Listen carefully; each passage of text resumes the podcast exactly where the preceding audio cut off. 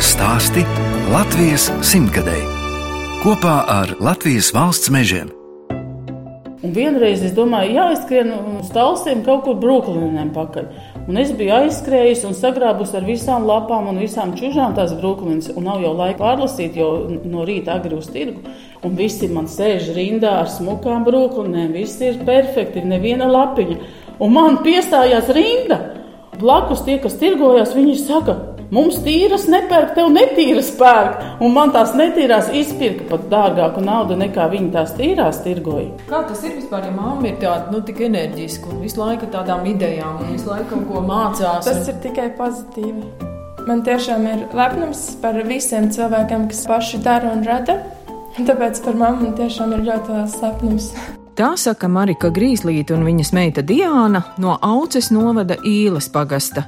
Es, žurnāliste Daina Zalamane, šoreiz ciemojos pie Čaklas ģimenes, kas dara daudzas lietas, bet šovasar vecu lauku māju pārbūvējuši par viesu māju. Marika ideja par to, ko darīt un kā nopelnīt laukos, netrūkst. Viņa audzē aitas un auž lakatus, cep maizi un uzņem turistus. Uzņēmēgars viņā esot jau no bērnības. Dzīvojam diezgan trūcīgi. Cik jūs bijāt bērni? Mēs bijām pieci. Ja kaut ko labāku gribējām, mums vajadzēja pašiem nopelnīt. Tēvs strādāja mežniecībā, un bērnu kājas bija jānodod, tad bija bebri jānoķer. Arī kurmjādiņas vajadzēja mm, vākt. Un tad mēs likām lamatas mežā, palām visur un gājām katru dienu pārbaudīt. Ņēmām ārā tos kurmjus, dīrājām, un kaltējām, un tad dobelē vedām nodot bija MRSā tāda pieņemšanas punkts, kur nodeva visas sādiņas, arī lapsādas un bebrādas, un tad es atceros, ka 20 kapeikas maksāja pa vienu kurmi ādiņu. Un atceros, pie durvīm mēs tā mazajām nagliņām naglojām, un tur vajadzēja pareizi nostiept, tad tos taukus vajadzēja nokasīt. Mēs to visu darījām. Un tad mamma veda nodot azādiņus, un mēs braucām līdzi un domājām, ka nu, mēs dabūsim tagad lielo naudu, bet tur nekas īsti nesnāca. Mamma to naudu paturēja vienmēr sev. Sapirka tur ziepes vai veļas pulverus vai visu kaut ko tādu. Un, un tad mums bija nākošais biznesa ar brāli. Mēs lasījām tējas. Un arī nodevām aptiekās. Ļoti daudz pelešķus salasījām, vienreiz veselu lielo maisu sakaltējām. Vecākiem bija arī kaut kādi lopiņi. Dārsts mums bija, bet lopi mums nebija. Bet omītei bija lopi, govis bija un sivēni un vistas un zosis. Lopus jau visu redzējām un visus darbus zinājām. Manas mammas ģimene no Lietuvas nāk. Un vecais tēvs atnāca uz Latviju strādāt mežā. Un tad ģimene nāca līdzi, viņi bija no akmenes. Bija grūti, kamēr iemācījās valodu, visu, un tā viņi arī palika Latvijā. Patiesībā puse no manis ir lietuvieti. Mājās vecāmām runāja lietuviski, es māku arī lietuviešu valodu. Ja te pat aizbraucu uz Lietuvu, es varu brīvi sarunāties. Bet Lietuva jau arī nav tālu. 20 km mums ir Lietuva. Un jūtat sevī tās lietuviešu saknes? Jā, jā. Man ļoti patīk Lietuva. Es, kad aizbraucu, man ir sajūta, ka es esmu mājās. Man nav tā, ka es esmu citā valstī, bet man ir tā, ka es esmu pie savējiem. Un arī nu, vienīgā grūtība man ir valoda mazliet, jo Lietuvā ir augštaitē un ir žemaitē. Vecāmam nāk no tās žemaitijas, ir daudzi vārdi, kuri pilnīgi no nu, atšķirās. Man ļoti patīk lietuvieši. Viņi ir uzņēmīgāki. Pienu uzpērk. Jā, viņi tur un atved atpakaļ jau sapņu. Jā, sapasē un atved pārdot pašam atpakaļ par dārgo. Lietuviešiem ir tie apgriezieni. Jo Lietuvā arī padoma laikā katrai mājai privātai viņiem jau bija daļdārs. Pie mums tas viss atnāca vēlāk. Visi ceļi asfaltēti. Viņi mācījuši paņemt. Nevis tikai dot, bet arī paņemt. Tas ir pozitīvi lietuviešos. Marika, kur te jūs pat esat dzimusi, augusi? Es esmu īlē ienācējis, es esmu dzimusi Sniķerē, ir tāda vieta. Patiesībā tā vieta jau gandrīz vairs nav. Tur varbūt pāris ģimenes dzīvo. Sniķerē ir arī auces novadā, tas ir pie Lietuvas robežas, kur ir ukri. Padomu laikā tur bija fermas, vistu ferma, teļu fermas,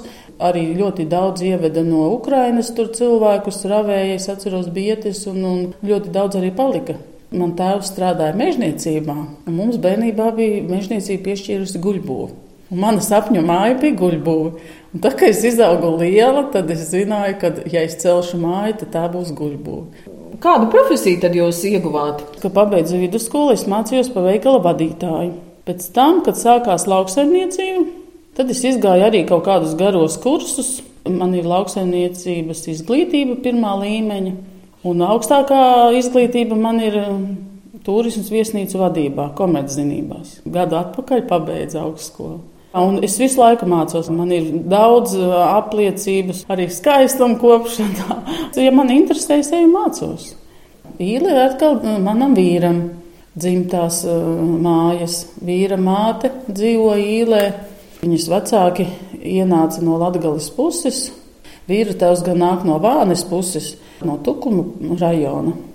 Arī atnāca pie sievas, dzīvo pie sievas vecākiem. Tad viņš strādāja kolhozā.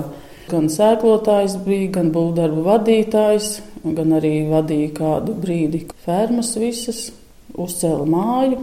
No vīrtavas bija īlē, man liekas, vienīgais, kas saglabāja visu, gan tehniku, ko bija nopircis pa pajām, gan arī fermu ar govīm, un sāka viņi paši saimniekot, tikai izrādījās, ka tās govis ir visas slimas ar leikozi.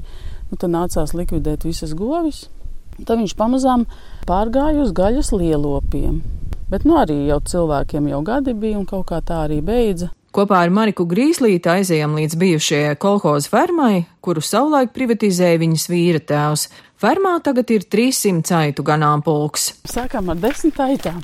Lauka atbalsta dienests gadā deva naudu, ja nemaldos, 700 latus tajā laikā, piecus gadus. Pēc kārtas varēja izvēlēties no lauksaimniecības kaut ko uzsākt, vai nu jaunu, vai nu kaut kādam agregātam. Nopirkām desmit aitas, saldu pļaumašīnu. Nu jau ir 300. Un kā jūs teicāt, paplašināties jūs īpaši arī nevarat? Nevaram, jo mums nav tās platības uh, tik lielas. Jo labu lauksaimniecības zemi jau par ganībām man nepataisīs. Tikai tie kalni, un kur ir tādas lejas, kuras neapstrādā tās aitas, kā par brīnumu, šoreiz ir netālu no fermas. Jā, mums paveicās. Jā, gaida. Kā tad aitas tas karstums ietekmēja? Viņas pa krūmiem un arī tas tauku slānītis, kas viņām tomēr laikam neļauj pārkarst. Cik labi, ka te ir kādi krūmi, kur Jā. viņām pagulēt. Nu. Kas tad tā ir pa šķirni? Tā ir Latvijas tumšgalvaina. Mm. Nav tiršķirnes, bet nu teķus mēs vienmēr pērkam tiršķirnes. Tomēr, ja tas teķis ir tīšķīnis, tad arī tie jēri dzimst labāki un smukāki un veselīgāki. Pār pa simtu mums piedzimst. Aitiņas jau mēs tā kā atstājam sev, teķīšus visus nokaujam. Marika Grīslīte stāsta, ka viņai patīk lasīt sēnes, un šis vaļasprieks papildina arī ģimenes budžetu. Kad nu, apprecējāmies, tad es domāju, ka es varētu sēnes uzpirkt. Braucu uz tirgu, uzpirku sēnes, tad man vietējie parādīja mežā vietas, kur ir lasīju pati tās sēnes arī. Atbraucu no tirgus mājās, skrēju uz mežu, salasīju sēnes, vēl piepirku klāt, un es patiesībā ļoti labu naudu pelnīju. Vienu gadu tās gailenes bija tik daudz, un karsta vasara bija. To es stāstu visiem kā anekdoti, bet tā ir dzīves patiesība. Tad laikā dzīvojam diezgan tā pašvakari, bet man pietika drosmes ieiet autosalonā un nopirkt jaunu mašīnu, paņemt uz kredītu. Un tā es uzpirku ar to mašīnu arī tās gailenes, ko to mašīnu arī samaksāju. Un vienu reizi tā sēnes tik daudz, un bija karsts laiks, tā kā tagad ir plus kaut kādi 28, 30 grādi, un es aizbraucu uz Jelgavas tirgu. Un pa to dienu es pārdevu trīs litrus. Es nosēdēju līdz pulkstenis trījiem, un es domāju, ārprāts, man tā mašīna pilna ir ar tām gailenēm. Karsts laiks viņas sasutīs, nu viņas otrā dienā vairs uz tirgu neatvedīs. Un beigās es domāju, nē, nu, ir Jelgavā tāda silva, tirdziņš ir, un tur parasti nāk cilvēki no darba piecos. Es tagad aizbraucu, un tie tantuki tādi neapmierināti. Viņi saka, jūs te nedrīkstat stāvēt, te nāks līdz saimnieks, jūs te aizdīs, un iznāk saimnieks. Viņš man saliek tādu smuku galdiņu. Viņš saka, tu nešur tās sēnes, lai ir pilns galds mums. Kaut kāds brīnums bija. Es pārdevu visu to mašīnu, krāmējām abi divi ar to saimnieku. Pārdevu līdz pēdējiem mm, gramam. Cik reizes pēc tam aizbraucu, nekas tur negāja. A, tā bija kaut kāda tāda dieva dota kaut kāda veiksme. Tieši tajā brīdī, kad tev visvairāk vajag, un tu esi izmisis, nu, ko nu tagad darīt, tad es 400 litrus, ja ne vairāk, iztirgoju. Vienā vakarā. Latvijas stāsti. Jūs klausāties raidījuma Latvijas stāsti Latvijas simtgadēji. Šoreiz ciemojos pie Marikas Grīslītes, Auces novada Īles pagastā. Marika īstenojusi savu bērnības sapni, kopā ar vīru un draugiem pašu spēkiem uzcēluši guļbaļķu māju Kalna cīruļi, kur dzīvo kopā ar vīru un četrām meitām, bet šovasar Grīslīši izremontējuši vecu lauku māju Bemberi Īles pagastā. Te izveidota viesu māja un telpas mājražošanai, liela virtuve, noliktava un deguna degustāciju zāle. Marika stāsta, ka mājas bijušo īpašnieku liktenis bijis visai dramatisks. Ēka ir celta 1893. gadā. Tā ir veca saimniecība. 45. gadā saimniece izsūtīja uz Sibīriju, saimnieku kaut kur nošāva. Viņi bijuši ļoti lieli saimnieki, 50 nu, hektāri. Mājas, jā. ka māja arī ir liela, plaša, jā, divu stāvu. Jā. Šeit bildē var redzēt gan saimnieku, gan saimnieci. Saimnieks ir šis, jā, jā tāds. Kungs tās liela auguma, sirmiem matiem. Sieva ir jaunāka par viņu var redzēt, jā, kad jā. Izskatās. Viņu dārzā šeit tā fotografija. Jā, ārā dārzā pie tām liepām. Viesu māja Bemberi ielas pagastā atjaunota pateicoties lauku atbalsta dienesta līderu projektam. Atjaunošanā palīdzējis prasmīgs kokamatnieks Lasmaņa kungs no Bēnes pagasta. Un es esmu ļoti, ļoti priecīga, ka man ir visi logi koka, durvis ir koka, trepes viņš man uztaisīja. Nu, Bet kāpēc es... sarkanas? Man šī gadā un pagājušā gadā sarkanā krāsa ir mīļākā. Un man gribās to sarkano krāsu. Un arī tā ēka ir sarkanu ķieģeļu, un tad arī iet klāta sarkanais. Es domāju, ka ir labi. Tas ir interesants tās flīzes, tā kā, nezinu, mēs būtu kādā dienvidu valstī, tādas rakstainas. Raibas, lai neredz netīrumus. Šīs flīzes ļoti labi kopjās, un viņas ir zilgan pelēkas. Viņas ir raibas un viņas pieiet arī pie sienām. Grīdas man ir apsildāmās. Tas ir centrālā apkuras kamīns. Viņš silda gan pirmo stāvu, gan otro stāvu. Ļoti jaudīgs.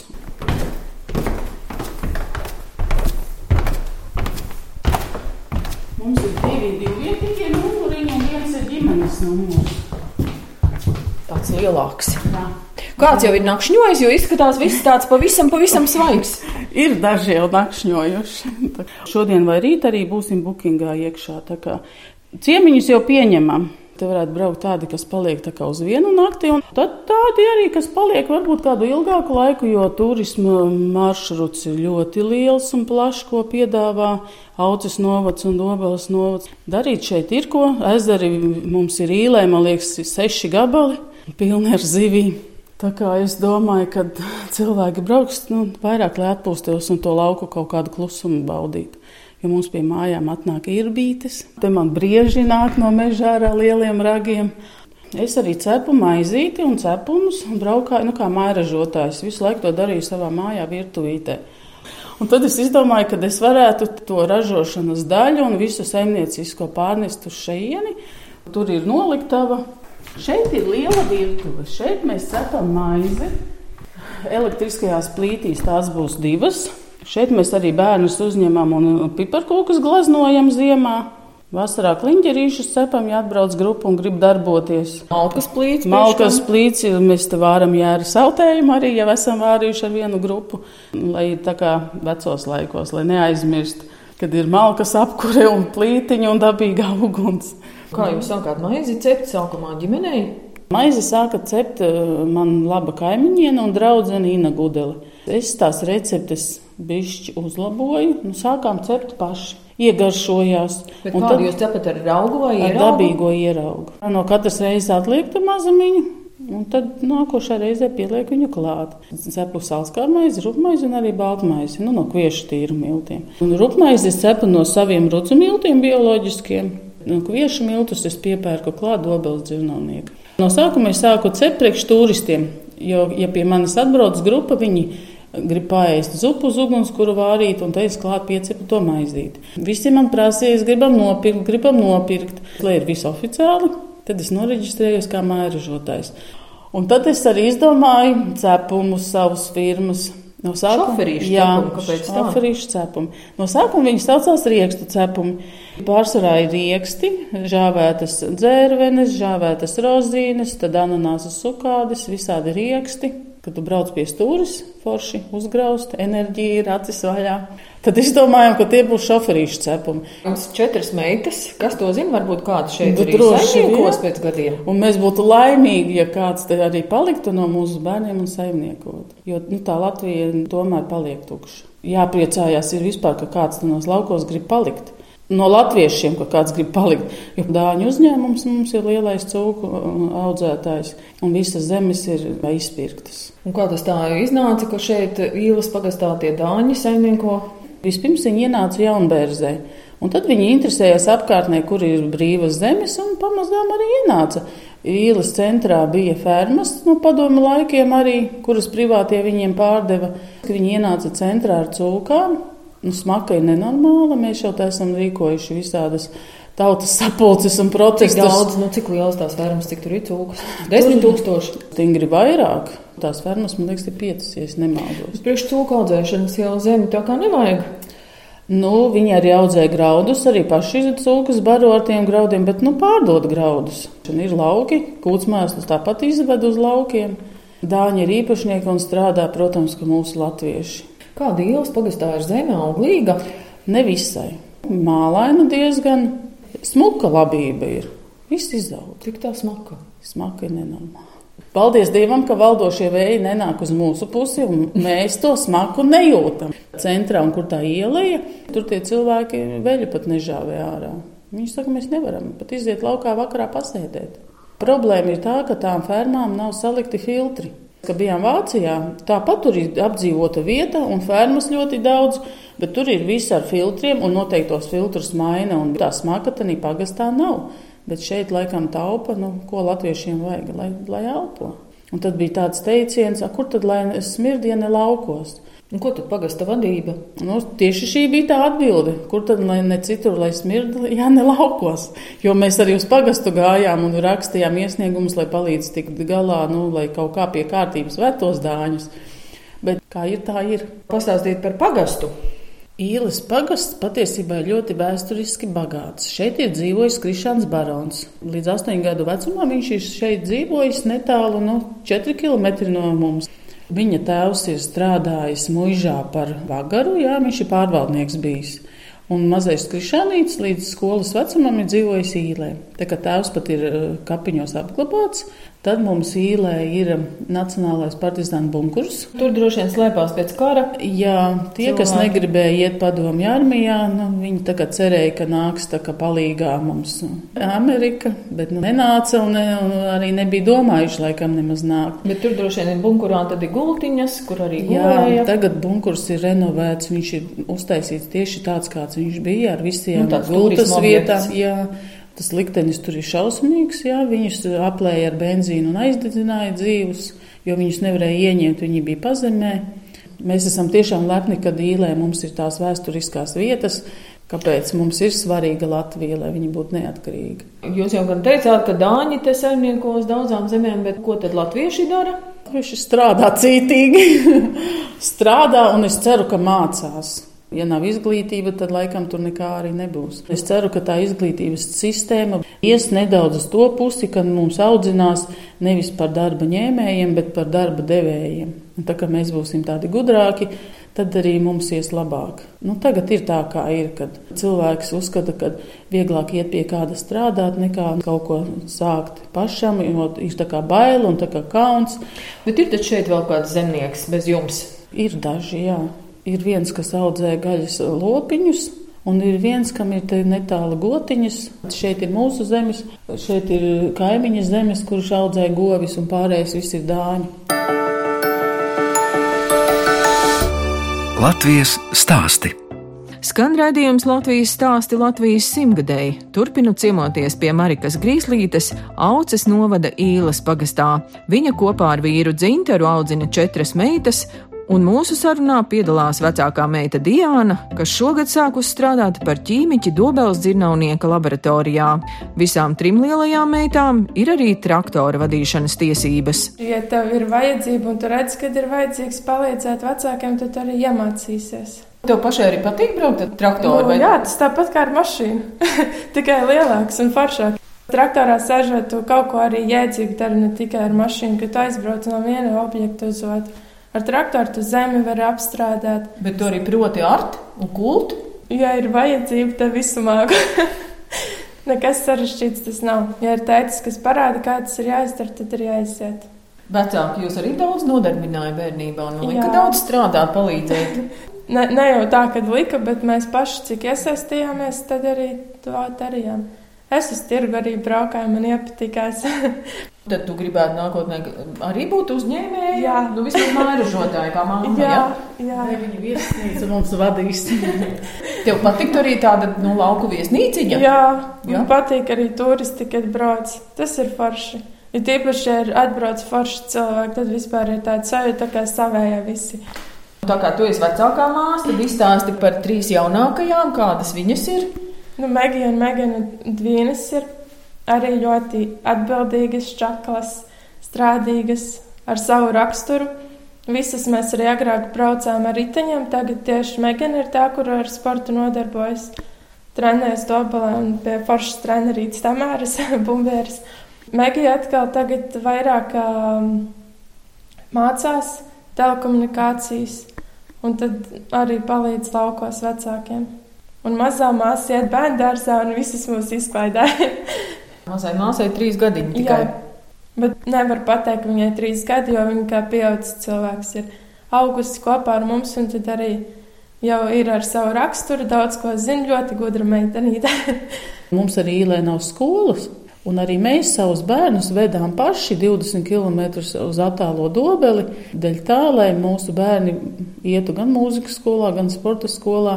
Jo, ja to bērnu vadā pašvaldības busiņš, uz, piemēram, uz auci vai uz bēni, busiņš nāk atpakaļ tieši ja trijos vai cikos, tas bērns jau netiek ne uz mūzikas skolu, ne uz sporta skolu. Viņam ir plika pamata izglītība. Un, ja tu gribi savam bērnam nu, to nākotni, nu, tev nekas cits neatliek, kā liet benzīnu pašam savā mašīnā un pašam arī to izglītību nodrošināt. Bet mēs visi esam to izdarījuši. Un, un tagad mēs esam priecīgi, ka bērni māks spēlēt gan violi, gan flautu gan riteņbraucēji, mums ir labi megana, mums ir Latvijas izlasē. Tagad ir tā, ka es varu sev kaut ko vairāk, jo meitenes lielas ir. Diana strādā, Megija arī tagad aizgāja pa vasaru pastrādāt Zirnaviņās kafejnīcā pa oficiantu. Tagad ir vieglāk man, tagad man paliek arī līdzekļi sev kaut kam. Neviens jau tavos bērnos neieliks to izglītību un visu pārējo, ja tu pats to neizdarīsi. Lai aitu vilnu varētu ne tikai samainīt pret dzīvu, bet arī papildus nopelnīt, Marika Grīslīte iemācījās aust. Tagad viņa saustie košie lakati un sagas ir ļoti pieprasītas. Vecās audējas teica, Tu tikai mums nestāsti, ka tu neesi audusi. ļoti ātri tas viss pielica. Man patīk, jo es agrāk mācījos pīt grozus, un pēc tam pati vadīju mm, pulciņu pīšanas. Es jau saprotu, kā tas diedziņš tur sastaistās. Tā aušana nav tas grūtākais, tur tā iestelēšana jā, un tā diegu vilkšana. Savilkšana. Jā. Ja tev tas interesē, tur nav nekā grūta. Es iemācījos aust un visu steli ierīkot. Gada laikā man jau mājās bija pašai divas steles, un tas man ir no hobija hobijs, un kurš arī naudiņu nes. Tā kā gultus pārklājus, segas, es jau tautas tērpu esmu noaudusi. Jostas. Šie ir zemgājas brunči, tas ir manam tautas tērpam. Šis ir tas rozīšu rakstā, raksts, jā, jā, kas zemgālē raksturīgs. Jā, un krāsas es saliku tā kā man patīk sarkanas, zaļš, balts, melns. Sarkans vairāk, tas ir mana krāsa. Te blakus ir arī tāds zeltaini, brūni, zaļš. Šie brunči ir īpatnējā tehnikā, kas ir uz velkamās iekārtas jo tur ir 24 nīšu kārtas. Viņi ļoti sarežģīti ir un vispār reti, kur audēja arī aušu tādus. Šie ir ļoti tādi sarežģīti un ekskluzīvi, jāsaka. Bet, nu, arī zemgales runči šie ir. Tur ir arī puķīti, bet Jā, tur nav. Varbūt ne, es nemāku pilnīgi visās tehnikās aust, bet, nu, ja vajadzētu iemācītos. Vēl par vīru izstāstiet. Vīrs, ko tad šodien dara? Vīrs aizbrauca uz Lietuvu rezerves daļā, pakaļ kombains mums saplīsa. Ziemā jūs esam nokūluši, bet nu tā kā tulīt būs auzas, te pa dobeles dzirnavniekam mums ir līgums bioloģiskās auzas. Priekš bērniem auzu pārslas viņa taisīs. Vīrs tad droši vien ir galvenais zemes apstrādātājs, ziņā, ļāvējs, kūlējs un tā tālāk. Jā, viņa ziņā ir visi lauku darbi. Kā un viņam arī meitas palīdz. Patiesībā mums visām četrām ir traktora tiesības. Un uh, ar traktoru mēs sākam braukt visas, bet galvenās darītājas ir Megija un Megana Dvīnas. Viņas gan sagroza sienu, gan sapresē, gan sadisko laukus. Megija šogad arī uh, uz kombaina kūlu labību. Vispār mēs esam tehniskas sievietes šajā ģimenē. Nu, ja nav neviena dēla, ko tā lai dara, vai ne? Bet šogad mums ir paveicies, un mēs esam tikuši pie znota kandidāta, kurš māca visu no tehniskām lietām. Tā kā mums meitenēm būs vieglāka dzīve. Kāda jums ir vadas prieka? Nu, lai neiznāk tā, ka mēs tik tik pa darbu, pa darbu. Un... Man kaislība ir rakstīšana. Dzēļ man patīk rakstīt. Skola izdeva grāmatu, un tur ir Dienas dzējoļi. Mani hobiji ir makšķerēšana, sēņošana un ar moci braukt. Kad es sēžu mājās un es zinu, ka tieši tādā un tādā vietā tur ir sēnes. Un man nav miera, es nevaru aiziet vakarā gulēt, kamēr es, es aizbraucu uz mežu kaut vai 9 vakarā. Tieši tad, kad sāk lietus līt, tad es braucu uz mežu. Tad es zinu, ka tās sēnes ir spilgtākas, gailienes uzreiz labāk redzēt. Es zinu konkrētus punktus mežā, kur, kur man jau gaida tās sēnes. Man jau viņas nav jāmeklē. Bet tas ir te apkārt šai viesmājai. Tie, jā, jā, tikai. Man tālu nav jābrauc. Tas ir desmit km rādījusā. Es esmu šovasar pa karstu. Es ceru, ka man šogad būs īstais rudens, jo baravikas ir rudenī, kad ir lielie lieti sākās. Pagājušajā gadā es nesu ārprāts. Bagāžniekiem es tik nesu no meža, un meitenes braucu uz tirgu. Un tā makšķerēšana, kur te jūs braucat makšķerēt? Tepat riņķī mums ir ezeri, nu vismaz septiņi. Visos ir zivis, bet ir jāzina, kuras zivis un kurā laikā jāķer ir. Līņus jābūt ir četros no rīta jau pie ezera. Vīrs arī makšķernieks? Nē. Patiesībā katrai zivī jāzina, kad viņu ķert, kurā laikā, un jāzina, no kurienes vējš pūš. Daba jāizjūt. Un tāda baigā makšķerniece es, es neesmu, tā, kad man tā būtu kā slimība, bet es neatsakos, ja mani paaicina līdzi veči, tad es braucu kaut nakts laikā. Un kur te jūs ar to motociklu braucat? Tāpat te pa laukiem, uz pilsētu es nebraucu, jo nu, ar to mociju atvest neko nevar. Uz meža sēnēs es arī nebraucu. Bet nu, man patīk vienkārši pabraukāt pa lauku, pa ceļu. Ātrums man patīk. Un kas tētim patīk? Tētim patīk tehnika. Brīvo laiku pavada darbnīciņā? Jā, tikai. Mums opis agrāk bija galdnieks. Un viss ir saglabājies, un tad tēvs arī citreiz kaut ko skaistu uztais. Bet tēvs ir tāds kluss. Jā, tēvs ir kluss. nu, blakus aktīvai māmai kādam jābūt tādam mierīgākam, vai ne? Jā. Un jums, māsām, kādi vēl ir vaļas prieki? Mums arī ļoti patīk ātrums. Tas varbūt no mammas. ar mociem, mašīnām, ar visu patīk braukt. Pēc pieciem desmit gadiem, ja es pie jums atbrauktu, uz doto brīdi man jauni plāni nav. Ne uz būvniecību, kas attiecās, ne uz hobijiem. Tepat jau mēs vien būsim, bet nu, var, iespējams mēs kaut ko darīsim citu vai citādāk. Bet es zinu, ka jums nav bail. Nē, jūs metīsieties jaunos izaicinājumus. Jā, tieši tā. Par to dziesmu, kas skanēs rādījuma noslēgumā, viss ir iespējams. Marika, jūs tā arī uzskatāt, ka dzīvē viss ir iespējams? Protams, ka viss ir iespējams. Tikai jāķerās un jādara. Patiesībā Dievs dod visiem iespēju, bet nu, pašam jāstrādā. Nu, ir lietas, kuras varbūt grūtāk iet, Bet nu, man ir neatlaidība liela. es māku arī gaidīt un paciesties, bet, nu, ja es esmu kaut ko izdomājis, es vienalga to dabūšu. Uzdāvini man laiku, astoto nedēļas dienu man dod. Man vēl ir jāpaspēj. Redījums Latvijas stāsta Latvijas simtgadēji šoreiz izskan ar Intera Busuļa dziedāto dziesmu Viss ir iespējams, un šos vārdus varētu saukt arī par Marikas Grīslītes moto. Mēs atvedāmies no Marikas un viņas meitas Diānas, kas dzīvo Auces novada īles pagastā, audzē aitas un auž segas, kuļ graudus, cep maizi, un šovasar vecu lauku māju atjaunojuši un izveidojuši viesu māju.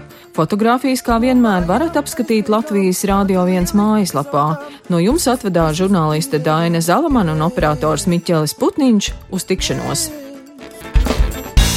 Tu sēdi skolas solā, viss ir iespējams, un prezidenti sola, viss ir iespējams, Un zīlniece tev saka, viss ir iespējams.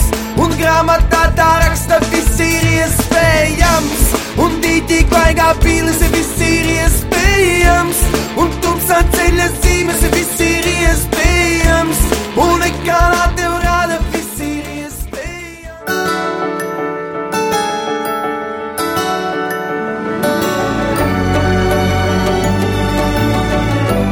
Latvijas stāsti Latvijas simtgadēji kopā ar Latvijas valsts mežiem.